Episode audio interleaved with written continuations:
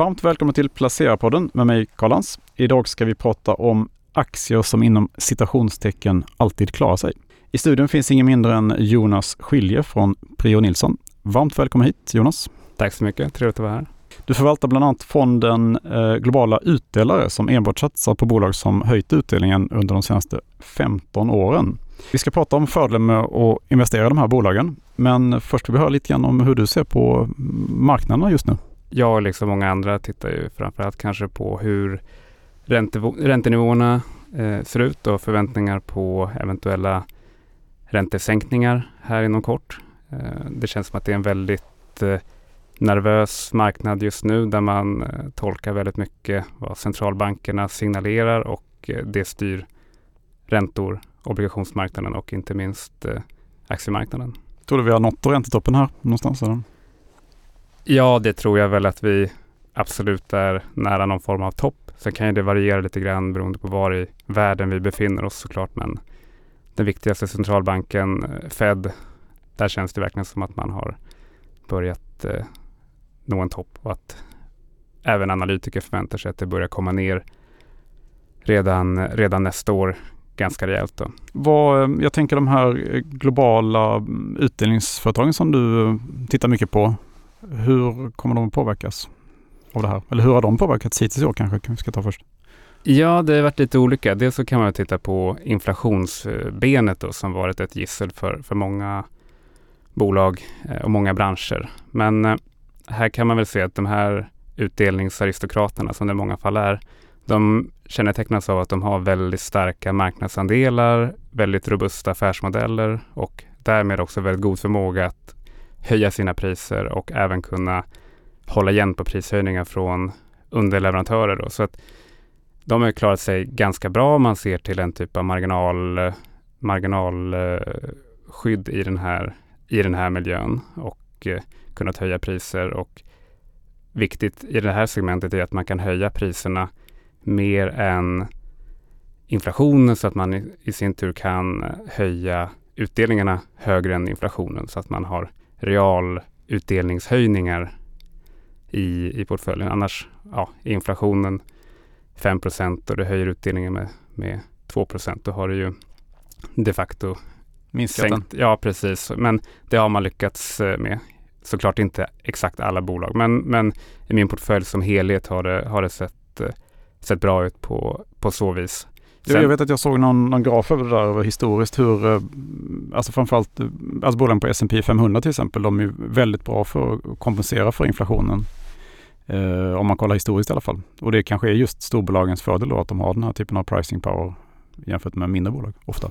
Jo men det tror jag absolut och eh, de är heller inte, ja, man kan säga att de oftast i alla fall har väldigt bra kreditbetyg och eh, inte är så hårt pressade på finansieringssidan heller då. Så att de har heller inte fått samma negativa impact som eh, bolag med betydligt sämre balansräkningar har i den här miljön då, som kanske har hög belåning med risk för dyr refinansiering då. Så även på så vis så har de klarat sig bra. Men självklart är de inte immuna mot eh, minskad efterfrågan eh, och eh, lagerproblem och eh, leveransstörningar och så vidare som fortfarande ligger lite grann som ett stridsdamm över hela, hela aktiemarknaden där man inte riktigt vet och när bolagens kunder har tömt sina lager och eh, när efterfrågan börjar ticka upp igen. Och det är ju mer, det är viktigare i andra, vissa sektorer än, i andra. Som läkemedel till exempel. Där kanske mer ett problem att man inte lyckas producera tillräckligt mycket läkemedel. Vi har brist på massor av saker. Inte bara bantningspreparat eh, som Novo Nordisk och Eli Lilly producerar men också eh, vanliga vaccin och eh, antibiotika och liknande. Lite så här basläkemedel nästan? Eller? Ja, absolut. Man, man tyckte att ja, 2022 då var det väldigt mycket köer och 2021 var det pass och liknande som var svårt att få tag i i tid. Nu känns det som att det har spridits vidare till, till läkemedel och, och andra förnödenheter som känns väldigt kritiska och det är ganska, ganska oroande egentligen. Men, men eh, ja, det, det här, där tror jag väl att eh, läkemedel åtminstone inte har den här problematiken med med eh, svag efterfrågan utan det är snarare ett, ett uppdämt behov nu som, som de behöver jobba ikapp. kapp. är det, är det det här, jag vet att man pratade om det under pandemin och även under finanskrisen att det, det var många som kanske undviker att gå till läkarkontroller och sånt där och sen eh, Sen efter det hittar man massa sjukdomar, till exempel cancer. Då, så det brukar alltid vara det så att säga efter stora kriser att, eh, att det finns ett stort uppdämt behov. Då, liksom. Det kanske är det vi ser komma nu eller, eller, eller som redan har kommit. Ja, ja så är det. Alltså i eh, ekonomier där patienten själv betalar sin vård är det ju klart i en lågkonjunktur med, med dåliga finansieringsvillkor så att man kanske drar sig för att uppsöka läkare eller genomföra dyra, dyra behandlingar. Men under pandemin var det dessutom så att många undvek sjukhus och eh, så av rädsla för att bli smittade. Plus att många kliniker hade stängt. Personal var sjuk. Vi har haft en lång period av eh, personalbrist inom sjukhussektorn. Det har vi sett inte minst i USA och i Storbritannien. Men det är ju ett nästan kroniskt problem även i svensk vård att vi har brist på personal hela tiden, vilket gör att den här vårdskulden man ofta pratar om, den har ju inte absolut inte gynnats av varken covid eller den senaste tidens eh, starka, starka arbetsmarknad heller. Om man tittar på de här eh, globala mm, utdelningsbolagen, vad, är, vad, är, vad har man liksom som investerare för fördel av att eh, investera i den typen av bolag? Det, jag tycker personligen att det är otroligt många fördelar egentligen. Men en sak man kan se det är ju att eh, utdelningarna Särskilt i de här utdelningshöjarna och utdelningsaristokraterna där sannolikheten att de ställer in eller pausar sin, eh, sin utdelning är relativt små.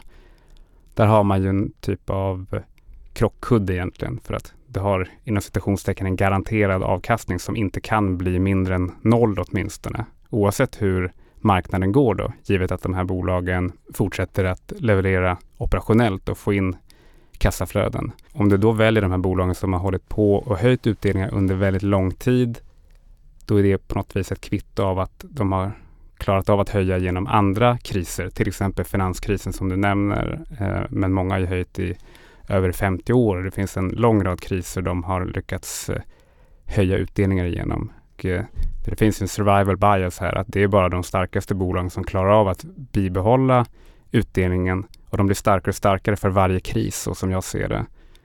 Så där har en investerare som har en portfölj med den här typen av bolag åtminstone en, en utdelning som gör att även ifall aktien är ner med 10% ett år så har du fått kanske 2% i direktavkastning under den tiden som en mitigering av den här totalavkastningen. Då. Och eh, utdelningen har, har, om man tittar 120 år tillbaka i tiden, och vi stannar vid S&P 500 då, så då har utdelningarna utgjort ungefär 43 procent av totalavkastningen. Det är mycket mer än vad, vad många tror.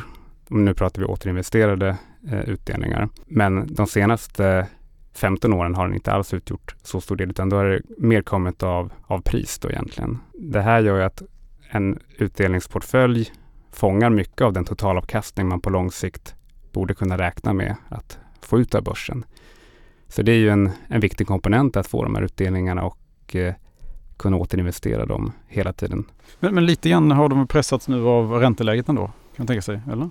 Jo, alltså det finns ju ett läger av investerare som ser utdelningsaktier, särskilt de här stabila utdelarna som eh, en typ av bond-proxy då. Precis. Men det jag tror man missar då, det är ju att eh, det är inte så att priset på aktien är helt irrelevant. Alltså om du köper en obligation och får 2% årligen eh, under en tid och håller den till tills den eh, återbetalas, då får du de här 2 procenten. Eh, du får inte mer än, mer än så. Men om du köper en utdelningshöjare, då får du ju dels under den här perioden en utdelningshöjning till att börja med. Men plus att du får en omvärdering på aktien då som i de allra flesta fall är positiv eftersom under en lång tid så tenderar de här bolagen att växa. De behöver växa. De behöver växa sin, sin topline. De behöver växa sina fria kassaflöden för att kunna höja sina utdelningar på ett uthålligt sätt, vilket gör att du får en prisökning också. Så jag tycker inte att jämförelsen med obligationsmarknaden är inte helt relevant, åtminstone inte för de som höjer utdelningarna. Det kan vara mer så för bolag som bara delar ut men är i, en stagnerad eh, fas på något vis och inte växer och inte har som ambition att växa. Men faktum är att vinsttillväxten i, i min portfölj de senaste fem åren har varit eh, 12-13 procent årligen i genomsnitt. Så det är absolut inte några utdöende eh, fossiler Inga här. Dinosaurier? Nej, nej, precis inte. Och det tror jag att många missförstår. Att eh, för att kunna ha utdelningstillväxt måste du också ha tillväxt i det operationella. Och många, många av bolagen har absolut eh, ambitiösa tillväxtplaner och är inte alls så tröga som man kanske har en föreställning om när man hör hör om utdelningsaristokrater. Det kanske också är namnet i sig. Aristokrater låter lite föråldrat och som någonting Låter som... lite dammigt kanske? Ja, absolut. Men hur, du säger att eh, du har haft en, en eh, tvåsiffrig vinsttillväxt då i, i genomsnitt i din portfölj. Vad är det för, um, är det liksom rakt över eller är det några speciella branscher som har, har dragit under de senaste åren? Som du har sett? I en så väldigt bred portfölj så är det svårt att eh, peka ut någon särskild, särskild bransch egentligen. Det man kan se är väl att eh, många av de här bolagen har lyckats höja sina marginaler över tid. Och det kommer ju sig av att de, de har just de här starka positionerna och de har lyckats eh, öka sin, eh, höja sin operationella hävstång helt enkelt genom att hela tiden öka, öka försäljningen.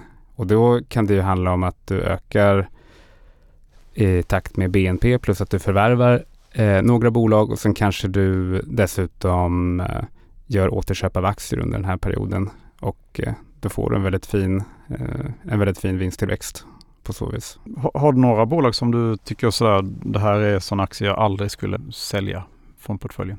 Det skulle väl vara Novo Nordisk till exempel. De, de har ju såklart fått en rejäl eh, uppvärdering här mm. sen, eh, sen man började med de här GLP-1 läkemedlen. Men jag tror att marknaden fortfarande underskattar vilken otroligt stor potential det finns i att gå från att vara ett mer renodlat diabetesföretag till att också adressera övervikt. Och man har dessutom då kunnat visa i, i studier att de här läkemedlen också kan bidra till att minska risken för allvarliga hjärtsjukdomar och sånt, vilket gör att den adresserbara marknaden blir otroligt mycket större.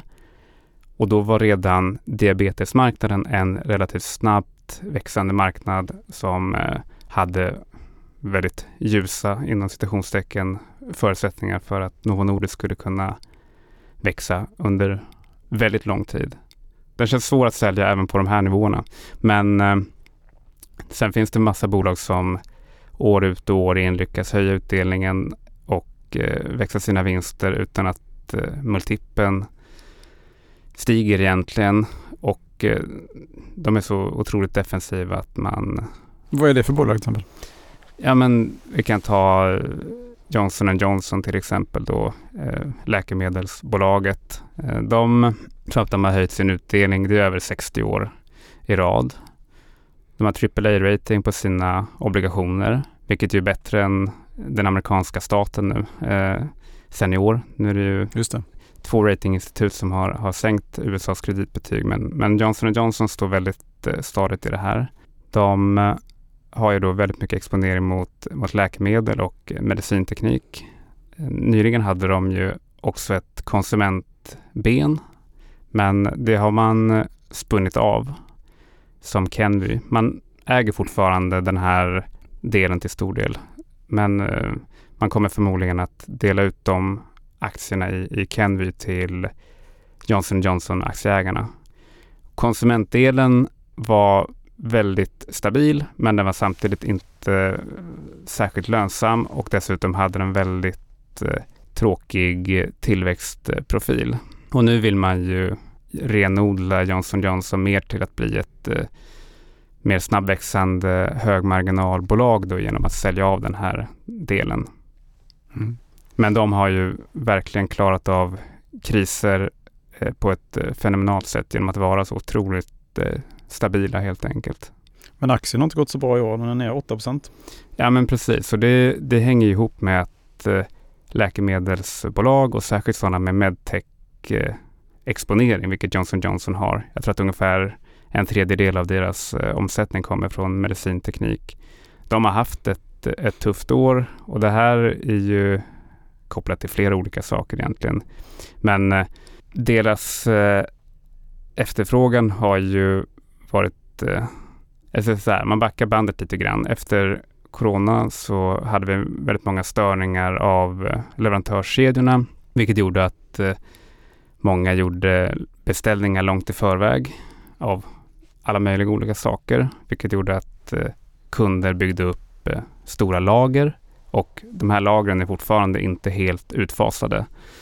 Det gör att eh, efterfrågan fortfarande inte har kommit tillbaka, även ifall den börjar repa sig lite grann så finns det fortfarande, och det pratar om det här stridsdammet, man vet inte riktigt exakt när lagren är slut. Men vi börjar onekligen röra oss ditåt igen och eh, då tror jag att Johnson Johnson med sin medtech-portfölj, men även andra medicinteknikbolag kommer att börja få upp sin efterfrågan igen.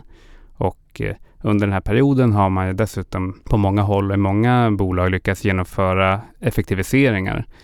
En fördel med en global kris som den här inflationen och eh, covid-pandemin har medfört är ju att man, företagen har använt den för att eh, kanske rensa ut i olönsamma produkter. Man har effektiviserat sina distributionsnät, sina leverantörsnät och eh, förbättrat sina marginaler. Så jag tror att många kommer kunna gå stärkta ur det här och att det kommer börja visa sig när efterfrågan återvänder igen för medicinteknik. För som jag nämnde så vårdskulden har ju inte upplösts eh, på grund av den här inflationen eller pandemin och så vidare, utan det är ju någonting som fortfarande ligger och, och ligger och. Mm. Absolut. Och eh, ja, vi blir ett år äldre varje år i befolkningen, vilket gör att det hela tiden egentligen blir ett ännu större tryck på, på sjukhus och vårdinstitutioner att eh, kunna ta sig an den här åldrande befolkningen.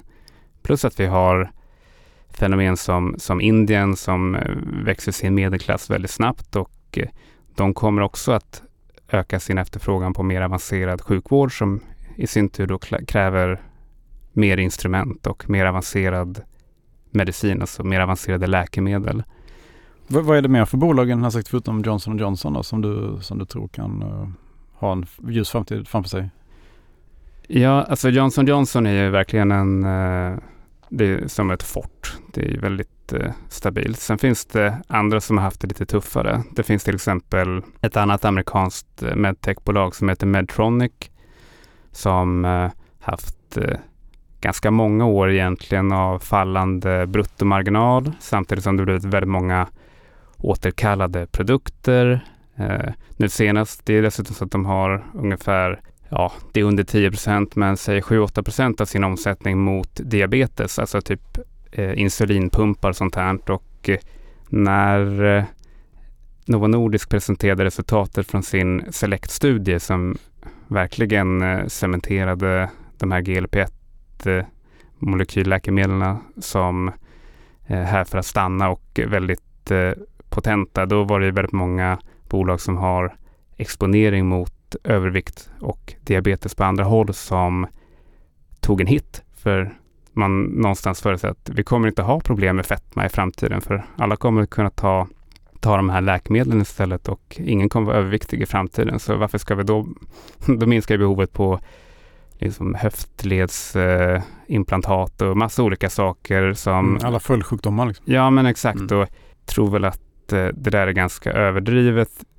på sätt och vis för att eh, dels så är det ju väldigt eh, få som kommer att vilja ha, alltså de här GLP-1 eh, läkemedlen eh, kanske framställs som en mirakelmedicin. Och det är ju ett mirakel på sätt och vis men det är ganska tuffa behandlingar trots allt med jobbiga biverkningar som illamående och eh, du tappar, tappar inte bara lusten att äta mat med de här utan du tappar också lusten till massa andra saker som är njutningar i livet och eh, Frågan är hur många som är villiga att eh, ta det steget om man inte är väldigt eh, överviktig till exempel och verkligen behöver den här behandlingen. Så ja, man får se helt enkelt. Det är mer liv, livsförlängande kanske? Man kan säga. Ja, men det, precis det kan det vara och man kanske kan ta det under perioder ifall man är i någon typ av riskzon eller sådär. Men jag tror inte att eh, alla människor kommer att eh, kunna hålla sig till att eh, ta det här läkemedlet. Det, det är i alla fall inget som du och jag kommer att ta liksom. Ser jag, ser jag nu när vi sitter här första gången fysiskt i studion. nej, jag pratade med en, en dansforskare som eh, jobbar med att utveckla andra typer av sådana här peptidmolekyler som ja, efterliknar hormon i kroppen som gör att vi känner mättnad och sådana här saker. Och hon trodde inte att eh, så många egentligen kommer att eh, tolerera just de här biverkningarna som det medför. Och det är inte så många som behöver tappa 30 procent av sin, sin vikt. Det är ganska radikala eh, ingrepp man egentligen gör när man går, går in på en sån här diet. Men i alla fall, det har gjort att medicinteknik och andra läkemedel med någon typ av exponering mot hjärt-kärlsjukdomar, övervikt och så vidare, de har haft det tufft för att man tror att deras eh, efterfrågan kommer att eh, mattas av med tiden. Och, och, du tror att de har tappat för mycket då förmodligen i det här?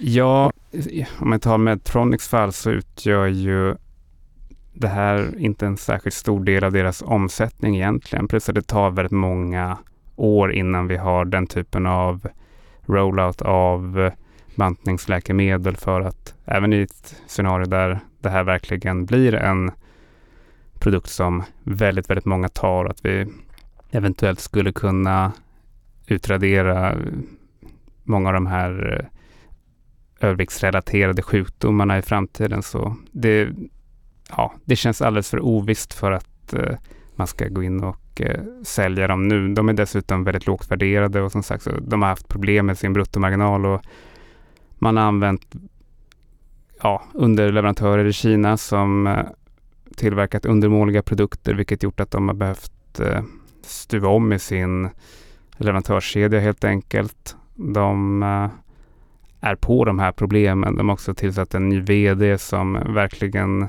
adresserat just eh, produktkvaliteten och eh, en ambition om att återvända till betydligt högre bruttomarginaler. Men det som är intressant är att den är så lågt värderad att det räcker med att de bara inte gör bort sig här för att eh, de kommer att återfå en del av marknadens förtroende och då tror jag att det finns en betydlig uppsida på, ja, jag brukar titta på direktavkastningen då som en värderingsmetric eh, egentligen och eh, det som är intressant är att om du har ett bolag som handlas på 2% direktavkastning men du tror att den ska återvända till sitt historiska snitt och kanske handlas på 1% direktavkastning vilket är fallet i Medtronic. Om de skulle handlas på samma direktavkastning som andra liknande medtechbolag, då skulle de kunna halvera sin direktavkastning, vilket ju omvänt betyder att jag tror att aktiepriset borde kunna vara dubbelt så högt. En rejäl, rejäl uppsida alltså. Ja, precis. Och sen under tiden får du ju en utdelningshöjning dessutom. Så den har jag köpt in ganska nyligen som lite av ett turnaround case då, som inte är lika stabilt kanske. Det finns fortfarande såklart en risk att de fortsätter att strula till det och att de här satsningarna på att eh, fasa ut dåliga olönsamma produkter inte bär frukt. Men mycket av det är redan inprisat i aktien så härifrån tror jag att det, det borde kunna bli enbart bättre. Särskilt ifall vi ser en återkomst av efterfrågan på mer bred front för medicinteknik i takt med att eh, lagren ute hos eh, sjukhusen eh, försvinner. För det är dessutom en, en hämsko egentligen på hela sjukhussektorn har ju varit att arbetsmarknaden är så otroligt stark och eh, precis som Securitas eh, eh, ofta gynnas på grund av att de får en, en lägre personalomsättning när konjunkturen är svag för att eh, folk väljer att stanna kvar i branschen lite längre det är samma sak i, i sjukhus, att man har sett historiskt att när vi har en, en sämre arbetsmarknad, då tenderar folk att stanna kvar på sina jobb eh, inom vården. Även ifall det kanske inte är drömjobbet så håller man sig kvar lite längre. Och det har ju varit en av de stora bromsklossarna för, för hela, hela sektorn under ett par, tre år nu att eh, det är så otroligt få som vill stanna kvar. Och eh, det har också gjort att man har tagit in dyra hyrläkare och hyrsjuksköterskor eh, särskilt under pandemin. Nu tror jag att eh, det här är på väg att reverseras och jag tror att en lite svagare arbetsmarknad i USA kommer definitivt att eh, gynna bolag som Medtronic och Johnson Johnson härifrån.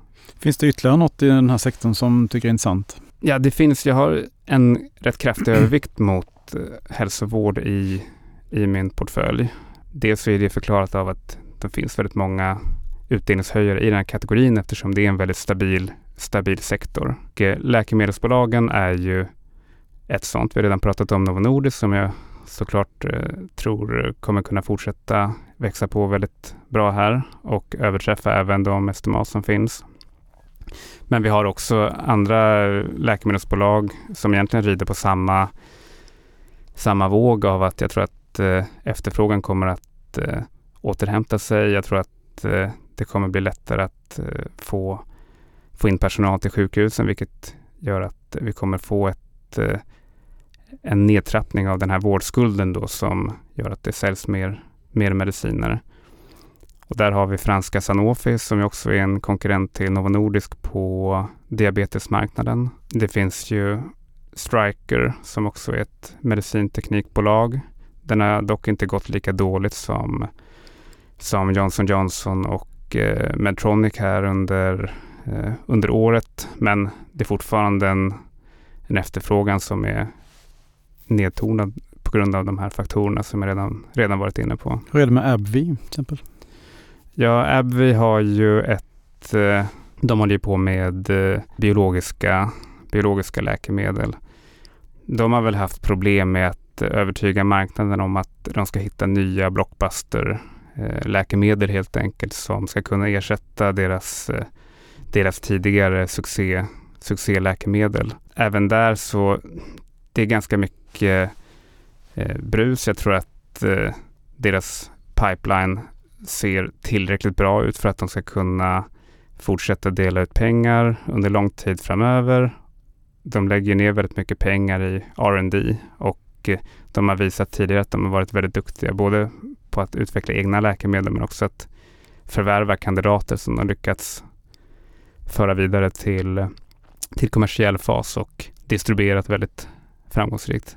Jag har ju ungefär 65 procent av portföljen i i USA. Och där är man ju tidigare i sin räntehöjningsfas på grund av att eh, inflationen har ju varit högre där under längre tid och eh, också börjat falla tidigare än, än övriga världen. Och där börjar analytiker redan eh, spå någon typ av timing för att börja köpa in tidigcykliska bolag. Och eh, Många av de aktier som har gått bäst i min portfölj har faktiskt eh, alltså gått bäst i år, har haft någon form av byggexponering. Så till exempel ett bolag som Pentair som är någon typ av blandning mellan Alfa Laval och eh, Frostmattsson ungefär. De säljer lite poolutrustning men vattenreningssystem till industrin och eh, olika flödeslösningar.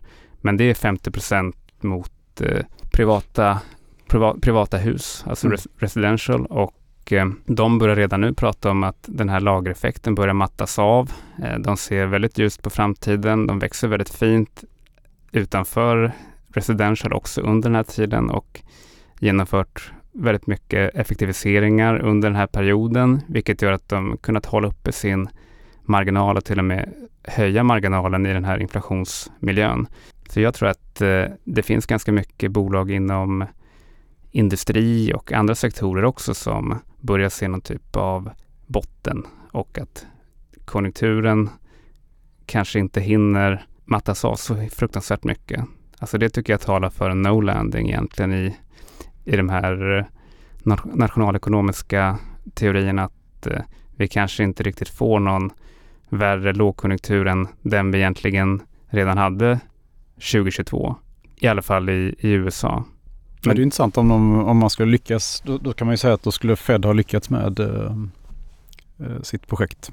Jo men absolut. Och jag tycker att det finns en hel del signaler från bolag i USA om att eh, det faktiskt eh, talar för det. Sen får man ju se vad, vad som händer nu med det höga oljepriset som i sin tur då skulle kunna späda på inflationen och eh, dessutom göra det väldigt dyrt för, för företagen att eh, operera och eh, producera samtidigt som konsumenterna blir, blir mer återhållsamma. Om vi har den typen av inflation som verkligen slår in direkt. Och då kanske vi är i en, ja, då börjar folk oroa sig för någon typ av stagflationsscenario som på, på, på 70-talet. Men ja, det är också väldigt tidigt att, att spekulera i. Jag brukar försöka gå på vad bolagen kan visa för resultat och eh, där tycker jag att eh, det finns en del optimistiska signaler i, i vissa branscher om att botten redan är, är förbi. Till exempel i amerikansk bygg, byggsektor finns det sådana tendenser.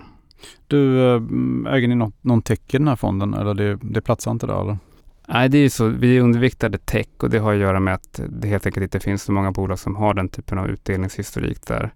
De vi har är Microsoft mm. och eh, de har väl blivit lite mer spännande nu och sistone när de har AI-exponeringen. Ja, exakt. Och eh, det tycker jag väl att de har gjort det på ett ganska bra sätt. Eh, kunnat integrera det i sin egen sökmotor som går från nästan inga användare alls till att faktiskt eh, börja, börja användas desto mer flitigt. Men i övrigt är det ganska lite tech och eh, det gör ju att när Nasdaq går otroligt starkt eh, och det dessutom är väldigt eh, tungt i vissa, alltså den uppgången är väldigt smal helt enkelt. Då, då laggar man efter.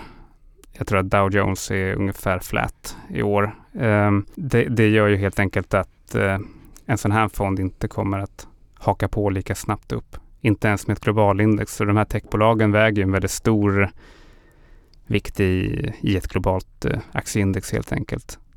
Har ni några svenska bolag? Då?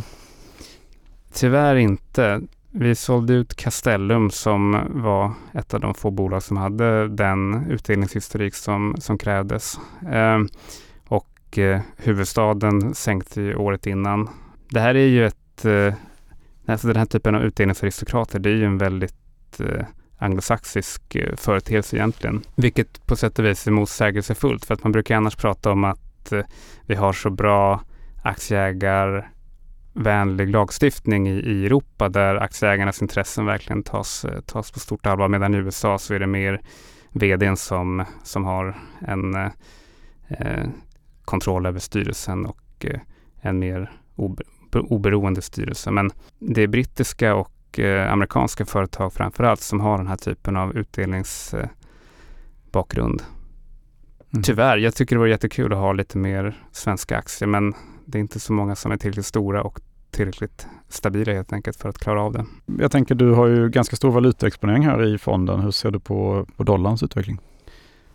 Jo men precis, alltså dollarn har ju de senaste, senaste två åren utvecklats väldigt starkt och nu har den börjat stabiliseras. Och jag har ju inga eh, svenska bolag men vi denominerar ju fonden i, i kronor så att det är relevant på så vis.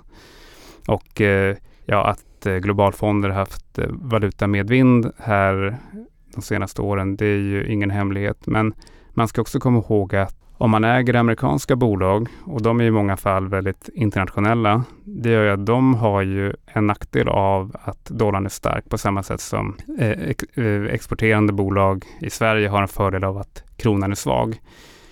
Och eh, ifall dollarn skulle fortsätta stabiliseras eller till och med tappa i styrka så skulle det gynna många av de amerikanska bolagen som har klagat över den starka dollarn under, under ganska lång tid, lika länge som vi har klagat på den, den svaga, svaga kronan i princip. Mm.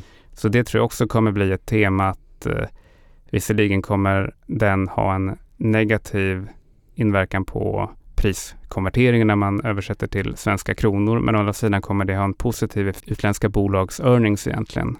Så det tror jag är en effekt som kanske kommer med viss förskjutning visserligen, men det tror jag kommer driva på utländska bolagers, deras vinster här. Om, det vill säga om Fed börjar, börjar sänka som förväntat samtidigt som ECB och eh, därmed också kanske svenska Riksbanken kommer att eh, behöva fortsätta höja lite till kanske. Mm. Det borde ju, borde ju borga för en lite starkare svensk krona också, precis ja, som du säger. Om vi, I det skiftet där. Ja, precis. Sen har man tyckt det ganska länge nu och nu är den i 12 kronor mot, eh, mot euron och det är ju det är även jag förvånad över att det, att det gått så långt. Men där står vi nu. Och det där är ju en svår, svår materia att hantera. Men jag tror ju att eh, allt annat lika så, så borde kronan stärkas från, från den punkt när andra centralbanken börjar, börjar sänka helt enkelt. Tusen tack för att du vill besöka oss i, hos Placera, Jonas. Ja, det var ett nöje att vara här. Tack. Tack.